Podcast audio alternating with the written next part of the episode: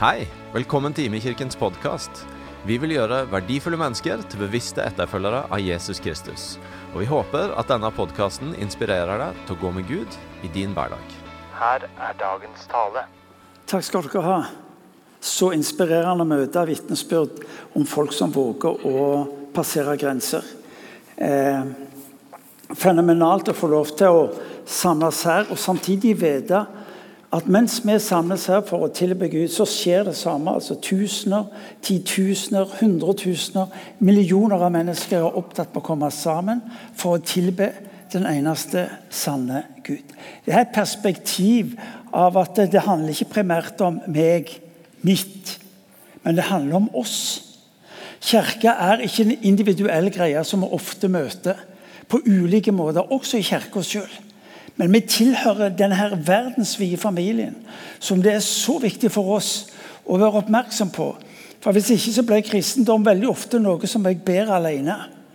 Grunnen til at jeg fremdeles får lov til å være en Jesus-etterfølger, har på den ene siden en bekjennelse som lød en gang.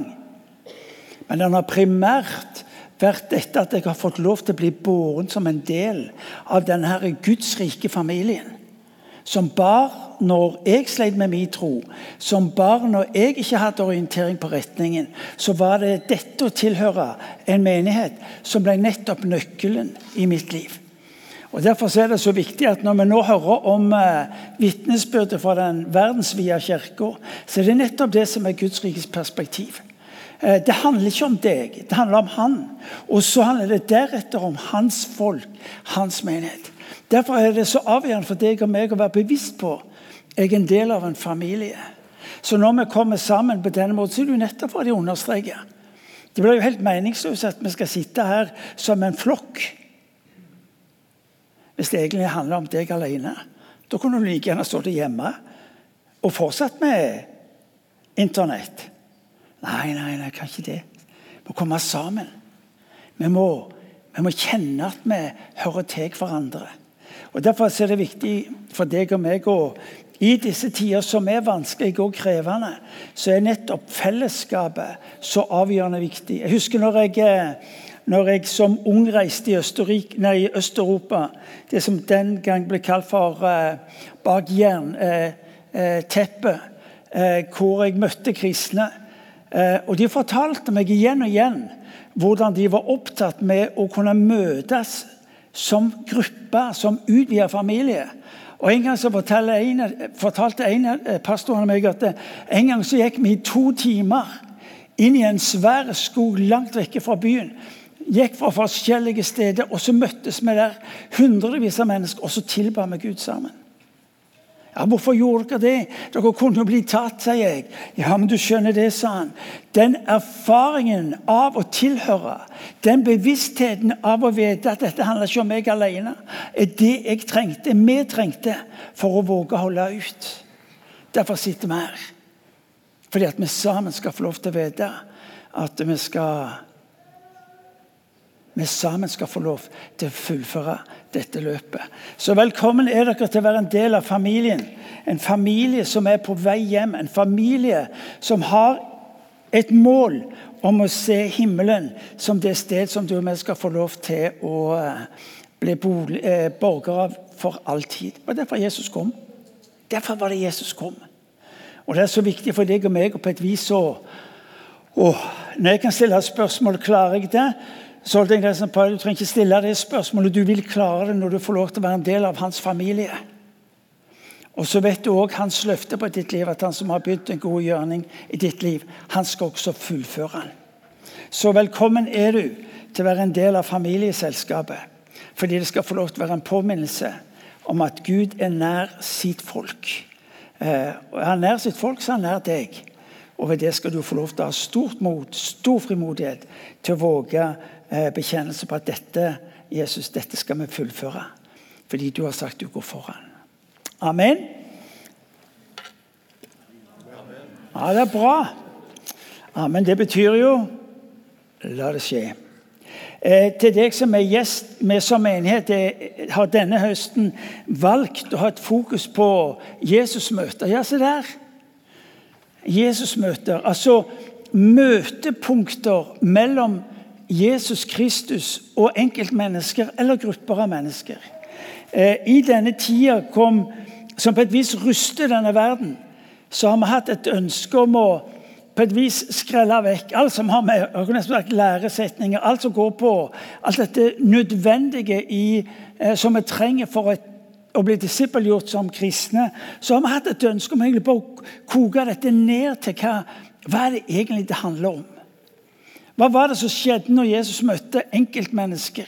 Hva var det som på et vis eh, berørte han eller bevegde han til å skulle ta steg nærme mennesker for å gi dem det de trengte. Ikke nødvendigvis det de spurte etter, men for å gi dem det de trengte. Og så har du denne høsten hørt forskjellige eh, av disse beretningene. Eh, og I dag skal du få høre også en beretning eh, hvor Jesus nettopp møter to stykker. To stykker som, som har opplevd at livet har kollapsa. Og på et vis er det et bilde av oss som mennesker. Du og meg sitter i dette rommet med ulike historier. Ingen av oss er like. Ingen av oss har sånn type eh, kopi som alle følger når det gjelder livets innhold. Noen sitter her eh, kanskje med nederlagene som er fullstendig tatt i, og som gjør at de ikke vet veien videre framover. Noen kjenner på smerte og fortvilelse. Andre igjen kjenner på en uhyre krevende situasjon. Økonomi, jobb, usikkerhet. Hva skjer videre? Andre igjen kjenner på det vanskelige. Feil investeringer. Sykdom. Ingen forandring. Kaos.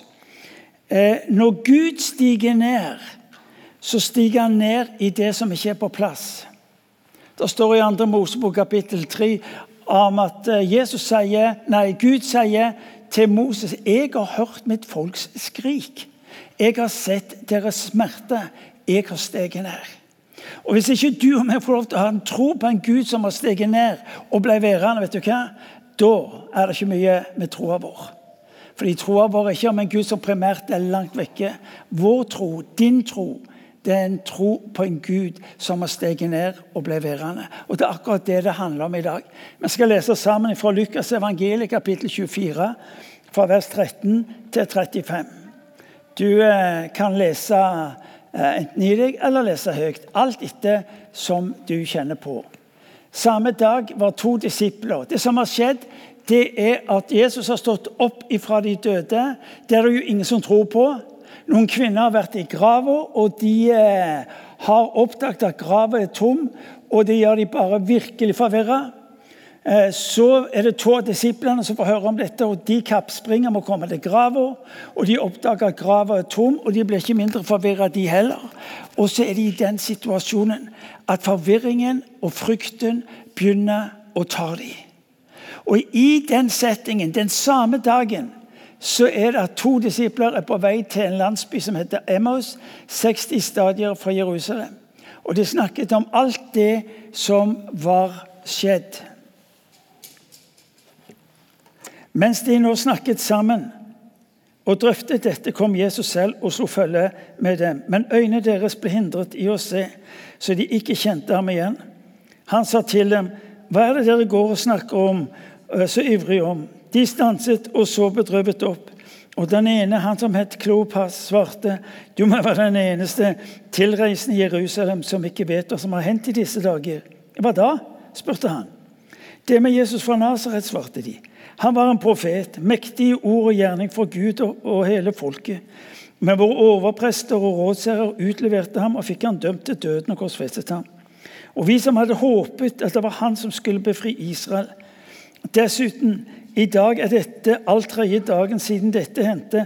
Og nå har også noen kvinner blant oss gjort oss forvirret. De gikk ut til graven tidlig i dag morges, men de fant ikke kroppen hans.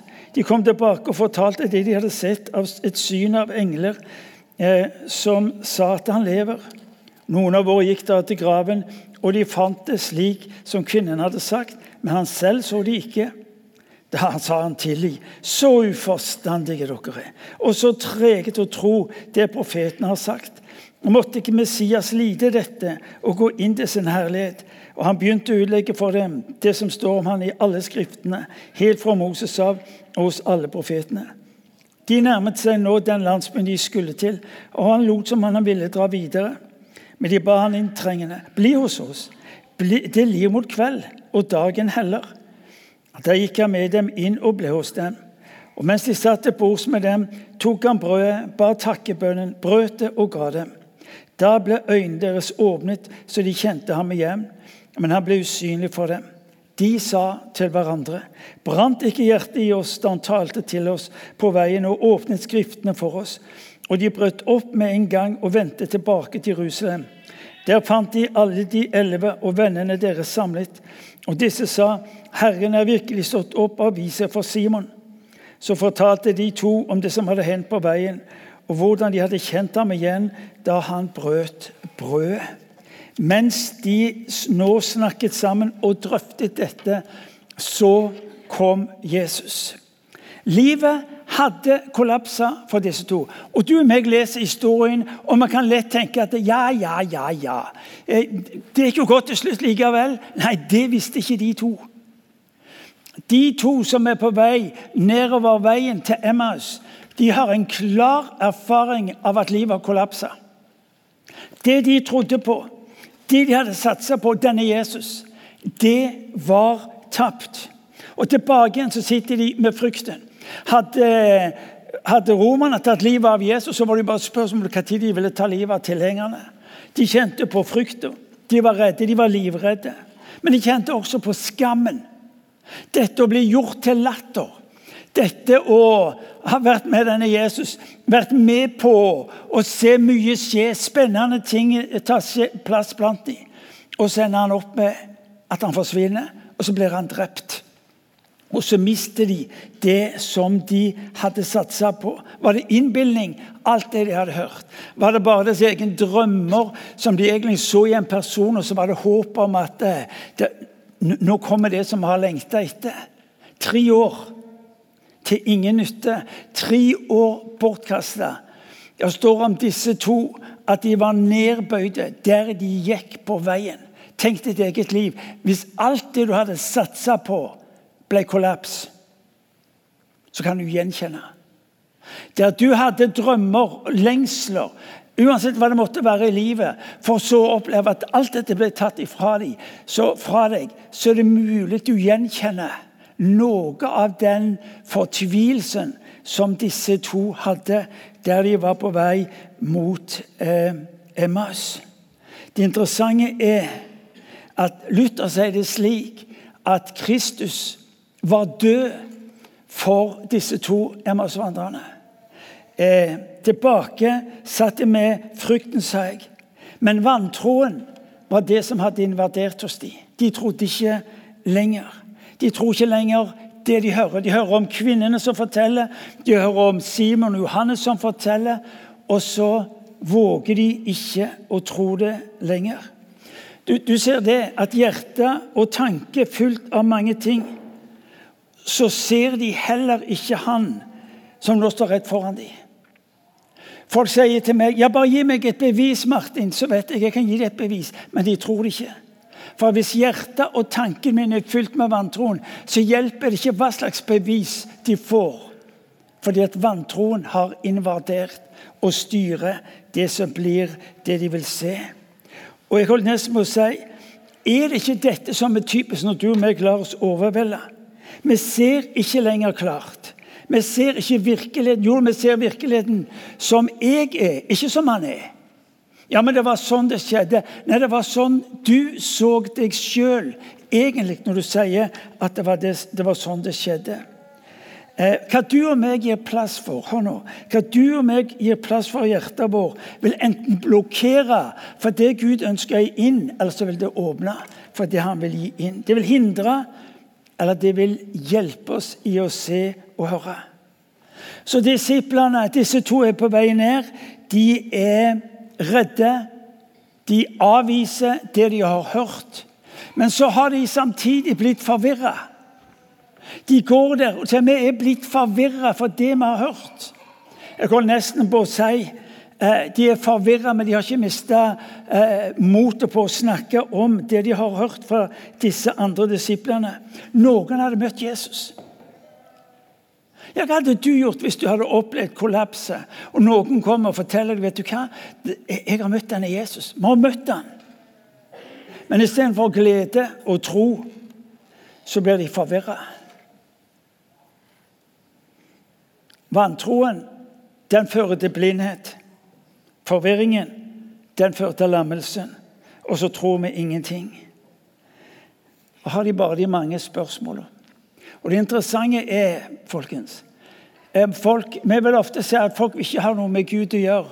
Og, og min konklusjon er at det, det er ikke sant. For hvis du hører spørsmålene, enten du hører det gjennom kunsten, gjennom eh, artistene, gjennom forfatterne Når du ser på filmer, så ser du nesten som om at filmer og det hele i uttrykk har et spørsmål. Hva er meninga med det hele? Hvor er sannheten? Hvor er veien vi kan få lov til å gå? Folket stiller spørsmål som de aldri har gjort før. Disse disiplene hadde også de mange spørsmålene i sine egne nederlag. Men midt i de mange ubesvarte spørsmålene dukker Jesus opp. Fascinerende. Hva er det Kirkas kall er? Jo, den er hjelpe folk til å stille nye spørsmål. Folk vil ikke ha våre svar. Men hvis vi kan hjelpe dem til å stille de rette spørsmålene, da vet vi at folk, folk vil få veien. Folk vil få veien. Vi hjelper dem til å stille nye spørsmål. Eh, og så, midt i dette, dukker han opp, og så begynner han å stille spørsmål. Det er òg det som er det interessante. Når Gud vil at du og vi skal få tak i en sannhet, så er det ofte med et innsteg av et spørsmål. Han begynner å stille spørsmål. Hva er det som er problemet? Hva er det dere snakker om? Egentlig så var det et, men et meningsløst spørsmål. Han visste jo hva de snakket om. Hva, hva er problemet? Hva er dere er opptatt med? Og så stiller han spørsmål nettopp for å hjelpe deg og meg til å begynne å stille våre spørsmål kanskje på en ny måte. Men det du må få tak i, det er at midt i det der kollapset så står Jesus hos dem. Uansett hva som er din livssituasjon, så lyder hans ord til deg 'Jeg er der'. Jeg er der. Allmaktens Gud er der på tross av vantroen, på tross av forvirringen. Han har altså forlatt lederskapet i Jerusalem for å lete opp disse to disiplene som er på vei eh, nesten sagt sørover, nedover. Søke de opp for å møte de der de er. For oss ukjente, ja. Egentlig ubetydelige. Men slik er den Gud som du og meg tror på og tilber. Han leter folk. Det var det Jesus sa. Jeg, sa han, jeg kom for å lete opp, jeg. Jeg er kommet for å lete opp de bortkomne sønner og døtre av Israels, av Israels hus. Og så var det med møtet. Målet hans å ta oss ut av denne ødeleggende og destruktive isolasjonen. Ta oss ut av, vårt, ut av vår øde livsvei. For hva skjer i perioder av våre liv når livet blir krevende? Vi trekker oss unna. Noe av det mest fortvila jeg opplever, det er når jeg møter folk som var en del av menigheten, og så plutselig så skjer det noe i livet deres, og så trekker de seg ut, og så isolerer de seg, og så er det noe som går i stykker av livet deres. Mens de, vi skulle ønske de gikk motsatt. Å jo, jeg har sprunget etter mange. Jeg har oppsøkt mange. Men det var noe med smerten og kollapsen i livet som førte til isolasjon. At uansett hva vi forsøkte å nå inn med, så var svaret nei. Og så gir vi rom og fokus for de vanskelige følelsene, tankene, valg. Og så nekter vi å gi sannheten rom. Guds vesen er å søke opp. Mens de nå snakket sammen og drøftet, kom Jesus selv og slo følge med dem. Hva er det dere snakker om? Hvor er dere så ivrige på å snakke om dette? Som jeg sa, han stiller spørsmål. Gud elsker spørsmål. Du husker den blinde Bartimeus? Hva vil du jeg skal gjøre for deg? Ja, men kjære vene, bruk, bruk øynene, Jesus. Bartimeus er blinde. Hva vil du jeg skal gjøre for deg? Ja, bruk øynene. Eller når de kom til kvinnene ved graven, så spør engelen de hva, hva dere leter etter. Eller sagt på en annen måte hva gjør dere her?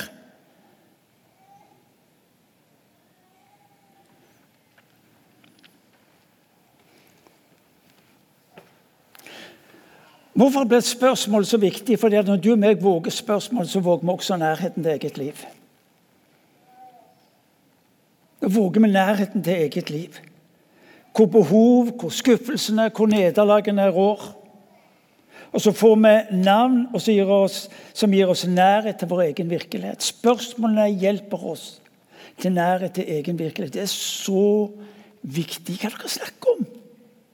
Hva dere snakker om? Og Så begynner de å fortelle han, og så legger de ut. Ja, du, vet, vet du ikke? Følger du ikke med? Så begynner de å fortelle historien. De forteller hva Jesus hadde sagt til dem. Og Så forteller de om forvirringene som har oppstått, og hvordan vantroen har fått lov til å invadere. invadere.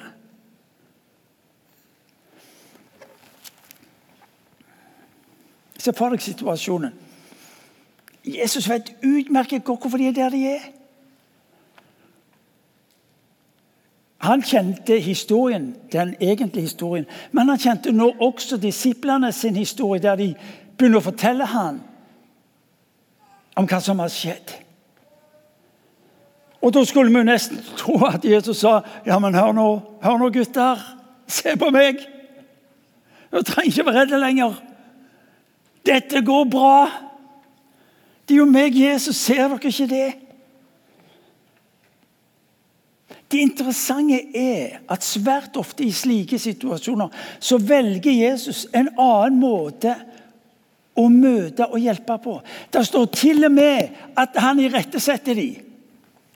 Nei, jeg sa på godt norsk han skjeller de ut. Men det han gjør. Ja, det er ikke meg som sier det. Så uforstandige dere er, og så trege til å tro.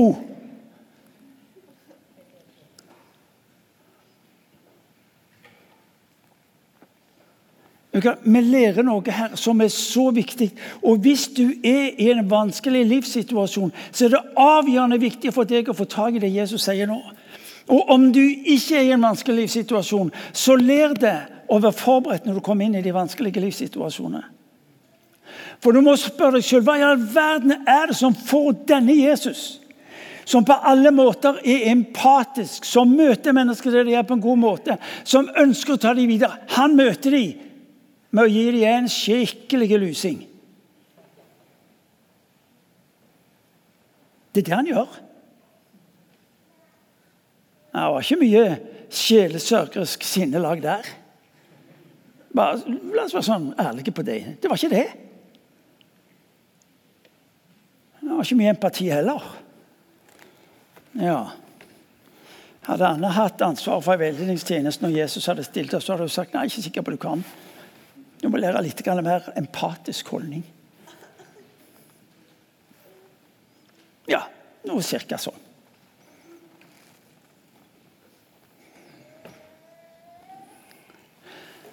Han tar de kraftig, ikke for nederlaget. Ikke for kollapsen. Ikke for feil valg. Men for at de ikke trodde ordet. Derfor. Jesus vil aldri ta et oppgjør for deg pga. nederlaget. Men han holder deg ansvarlig for at du ikke trodde på ordet. For hvorfor er dette så avgjørende viktig? Jo, fordi det vil være nøkkelen i ditt liv. Om du våger vandringen fortsatt eller ei.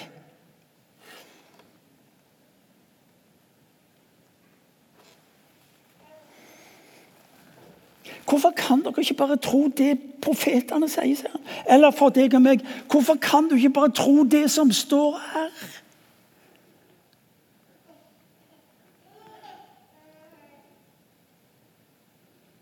Det eneste han sier Ikke ta noen trosprang, ikke operere med sterk tro eller svak tro. Bare, bare tro det som står der.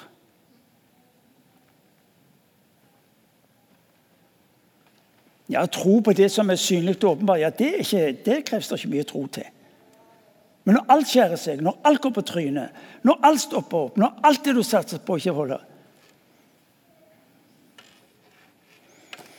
Jeg har de senere dagene hørt på en utrolig vakker lovsang fra USA. En afroamerikaner som, som, synger, og som eh, Det er Waymaker. Og han forteller at Min historie, sier han, det var at jeg var, jeg var hjemløs uteligger i mange år. Men jeg lærte troen, sa han, av min mor. Da jeg en dag, en, en natt, hørte min mor ropte fra soverommet, hvor hun ba. Og når jeg, når jeg kom til soverommet, så åpna døra litt for å se hva det var som skjedde, så var det ikke ei mor som klagde, som hadde gitt opp. Men det var en mor som ropte ut at uansett Gud, at jeg ikke nå har noen ting, så har du lov til å være min Gud uansett. Da sier denne afghanen der lærte jeg tro. Der lærte jeg tro. Folkens, jo, bønnesvar Jo, vi gleder oss over dem, men det er ikke der troen eh, vokser. Det er ikke der troen vokser, folkens. Det er når det er ingenting som samsvarer med det du tror skal skje. Det er det Jesus sier til disse guttene. Hvorfor trodde dere ikke ordet? Hvorfor forholdt dere dere ikke til det jeg sa? Her viser han de altså ingen forståelse eller imøtekommenhet fordi dette er livsviktig folkens tro ordet. Når jeg reiste i Øst-Europa og fikk bibeldeler skåret opp slik at de kunne distribuere dette til så mange som mulig. Og så gikk det på rundgang gjennom flere år. Det var bare flusser igjen. Hvorfor i all verden gjør dere det? Jo, fordi at folket mitt må få ordet.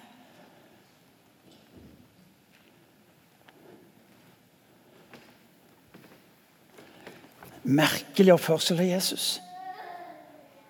Merkelig oppførsel.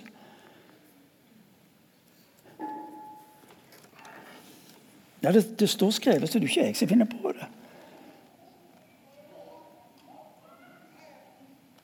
Han lar de ikke bli værende i nederlaget. Han lar de ikke bli værende i det som synes å være kollapsen, men han tar de inn i Skriftene. På den ene, hør nå, på den ene sida skal vi møte hverandre med all menneskelig godhet ferdigheter, kunnskap, nærhet, forståelse videre. Men nøkkelen for mennesket er Guds ord. For kun Bibelens ord har sprengkraften og nyskapende kraft i seg. Og du og meg må sammenholde dette. Gode venner av meg, livet kollapsa noe så borti veggene. Og det var fullt med så mye smerte. Og så spurte jeg hvordan klarer du deg? Og så sier Martin jeg står opp to timer tidligere hver dag for å være i Guds ord. For hvis jeg ikke er der, orker jeg ikke dagen. Ble et forbilde for meg. Der alle visste om kollapsen, fremstår vedkommende med et liv. Fordi vedkommende hadde visst hvor vedkommende skulle få lov til å øse av den livskraft, av den gjennombruddskraft som vedkommende trengte for sitt liv ut av den livssituasjonen som vedkommende var i.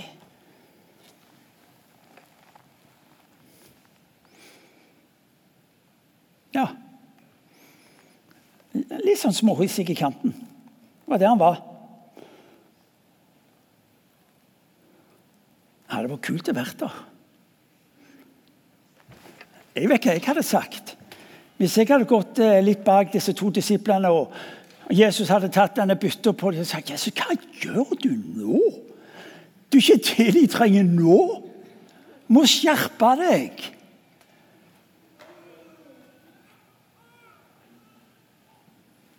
Han vet hva han gjør det, er derfor han gjør det.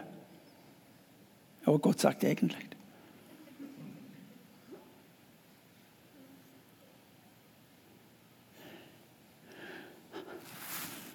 Han kjefter ikke på dem fordi de gjorde dumme valg. Er du med? Han har ikke et oppgjør med dem for nederlagets skyld. Det er ikke det han har. Men det han har en intens ønske om, det å ta dem inn i det som tar dem ut av konsekvensene av nederlaget. Kollapsen. Det interessante er Rent ytre sett skjer det ingenting med disiplene. Ingenting. Rent ytre sett De blir ikke møtt. De blir ikke forstått. Han svarer ikke på de spørsmål, eller møter de på en måte som vi skulle forvente, i hvert fall han, at han hadde møtt dem på. De ser ingenting nytt etter samtale, folkens. Tenk på den bibeltimen han holdt for dem! Og de ser ingenting nytt. Ingen hallelujastemning. Ingen yes. Come on! Vi er i gang! Ingenting. De tror ikke. De tror ikke mer.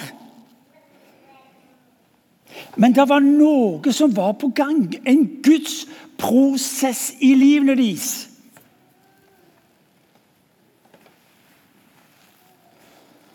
Noe som var satt i gang ved ordet.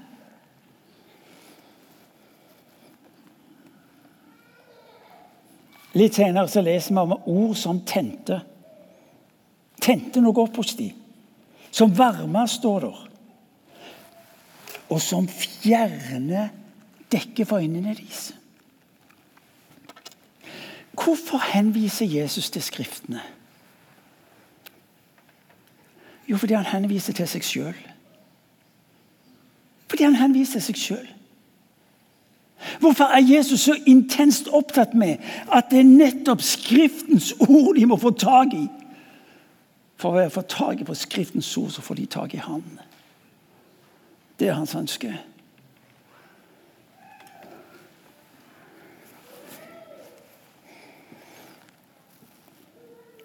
Jesus fører oss ut av det vi er fanga i. De har kommet fram til Emmas. Jeg syns det òg er så fascinerende.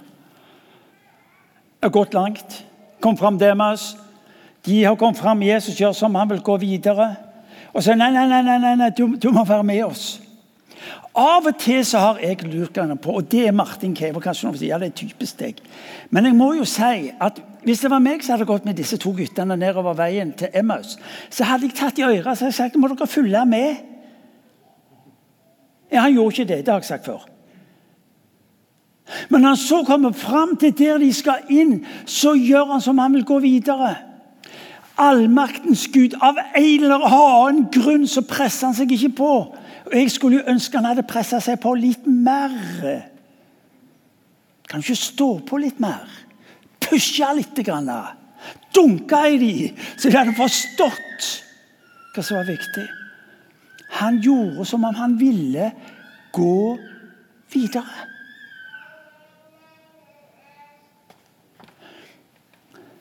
Noen har sagt det slik at Den hellige ånd er så gentleman.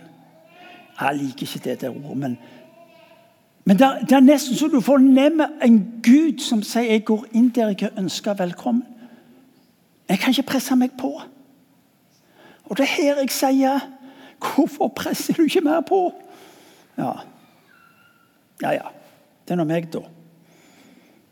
Det er kanskje greit at det ikke er meg som rår.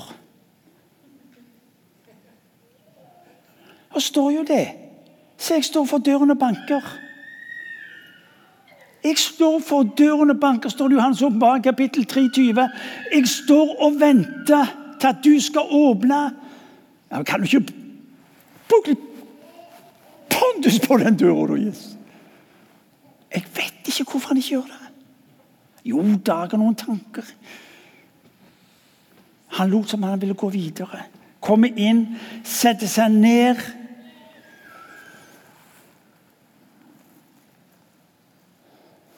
Så skjer det noe uhyre merkelig. Han går fra å være gjest til å bli vert. Så står han velsigner, og så bryter han brødet. Ikke nattverdmøte. Dette er ikke nattverdmøte. Det er et hverdagsmøte, det er kveldsmøte sannsynligvis. Hvor de sitter rundt bordet. Inn i det dagligdag som åpenbarer Gud seg. Jeg kan nesten bare si ikke se etter det overnaturlige, for det er i det naturlige at han åpenbarer seg. Han velsignet. Da så de han.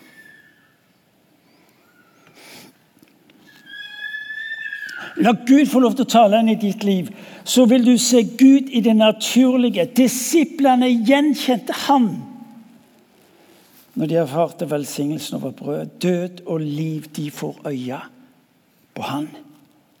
Livene forvandles i ett øyeblikk. Ikke ved at spørsmålene blir besvart, men ved at de så Han. Vi går rundt og tror at folk må få svar på alle sine spørsmål. langt ifra. Spørsmålet tar bare folk til et sted hvor de kan få et møte med Han. Ja, spørsmålet Nei, det er ikke det jeg sier. Men hvis du tror at om folk fikk svar på alle sine spørsmål, så ville de gå langt ifra. Jeg husker ennå at jeg som ung mann reiste rundt på universitetene i Norge og, og var sånn en intellektuell tøffing. Er du med? Utfordra ML-erne med stands. og En kveld så spiste jeg kveldsmat med en av disse ultraradikale. Skal ikke si noe om fargen eller hvem hun var, men hun var rimelig mye der, ja.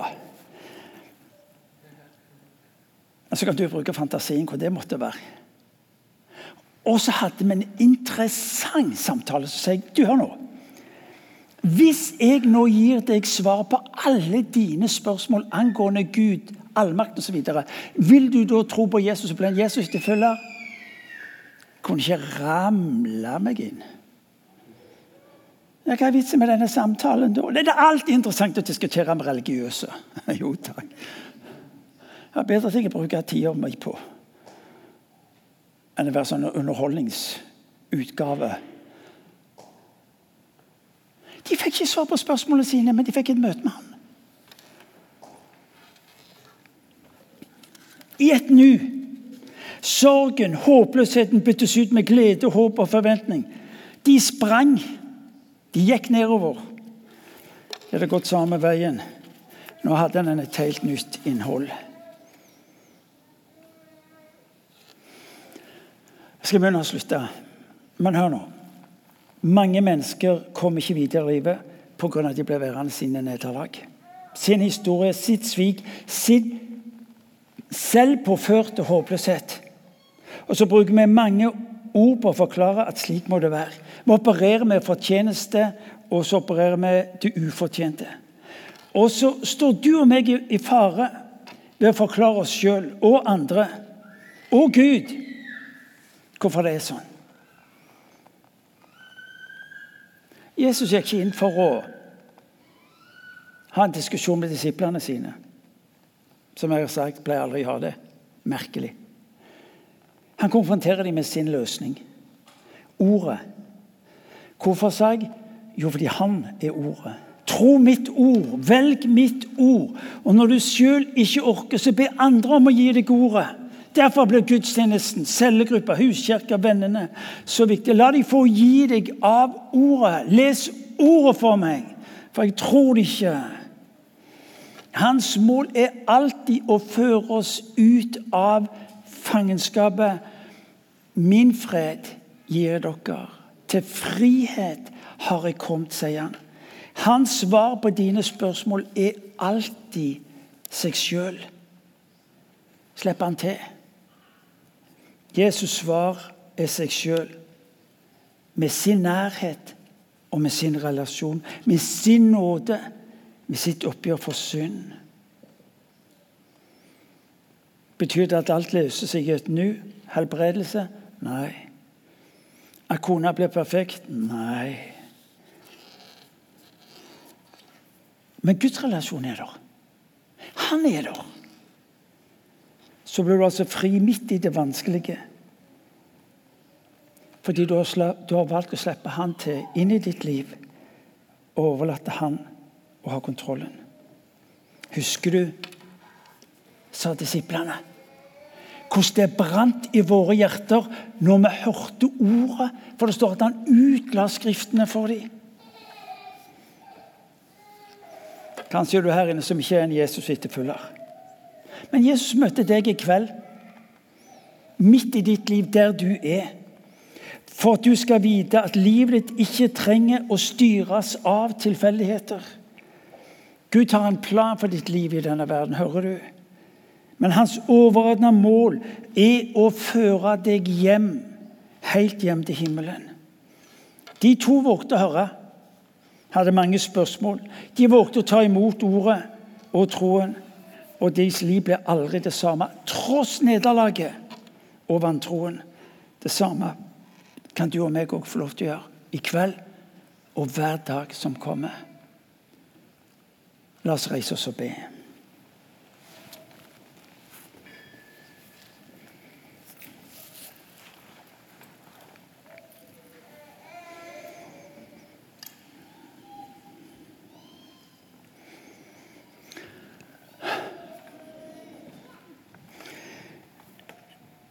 Dette har jeg også sagt et par-tre ganger. Jeg vet ikke hva som er din situasjon eller hva som er ditt liv her du står i dag.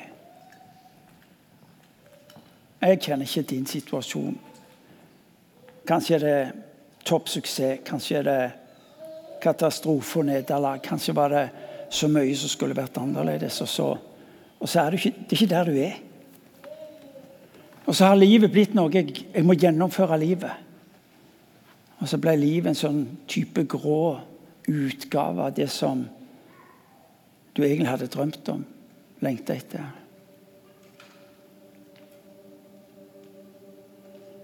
Du har hørt om to stykker som bokstavelig talt levde i sitt eget nederlag.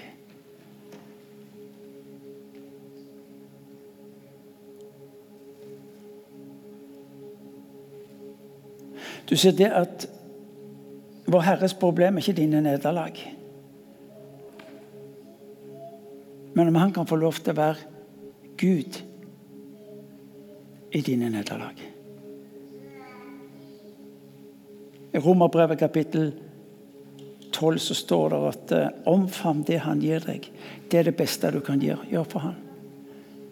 Du har hørt om en Gud som oppsøker for nettopp å ta deg ut i sin frihet.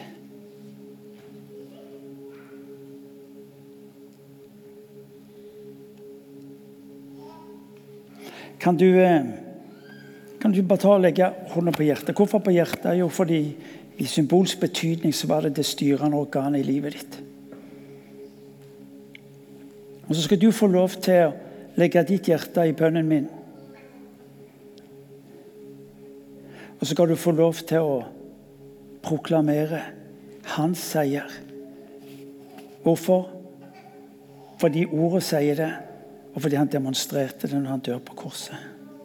La oss be. Herre Jesus Kristus, vi takker deg fordi du også har søkt oss opp på vår vei. Herre, takk fordi du en gang og de mange ganger aldri ga oss opp, aldri trakk deg unna. Men du kom nær opp til oss, og så gir du oss ut av ordet. Og Nå ber jeg for, for den enkelte av oss her vi er. To ting ber jeg om, far.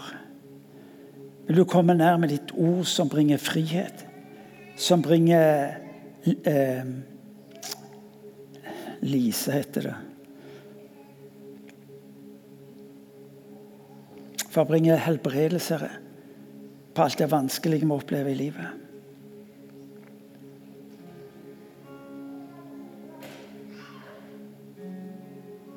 Far, vil du ved ditt ord tale inn i den enkeltes liv på en slik en måte, far, at vi våger å tro at du ikke har gitt oss opp tross nederlag, at du ikke har vendt oss ryggen tross at vi vendte deg. At vi valgte isolasjonen. Når du, Gud, står foran oss og spør hva kan du få gjøre. Og så vil jeg, far, at du også skal legge ned i våre hjerter en pasjon, en lidenskap etter ditt ord. Far, vil du hjelpe den enkelte av oss til å flytte inn i ditt ord bokstavelig talt på en slik en måte. At ditt ord får lov ikke bare til å fylle hodet med kunnskap, men at kraften i ditt ord, Herre Jesus, skaper hva det nevner. Til ånd og til sjel og til kropp. Far, vi ber om det. Vi ber om det. Kom, du Hellige Ånd. Kom, du Hellige Ånd. Ber i ditt navn, Jesus. Amen.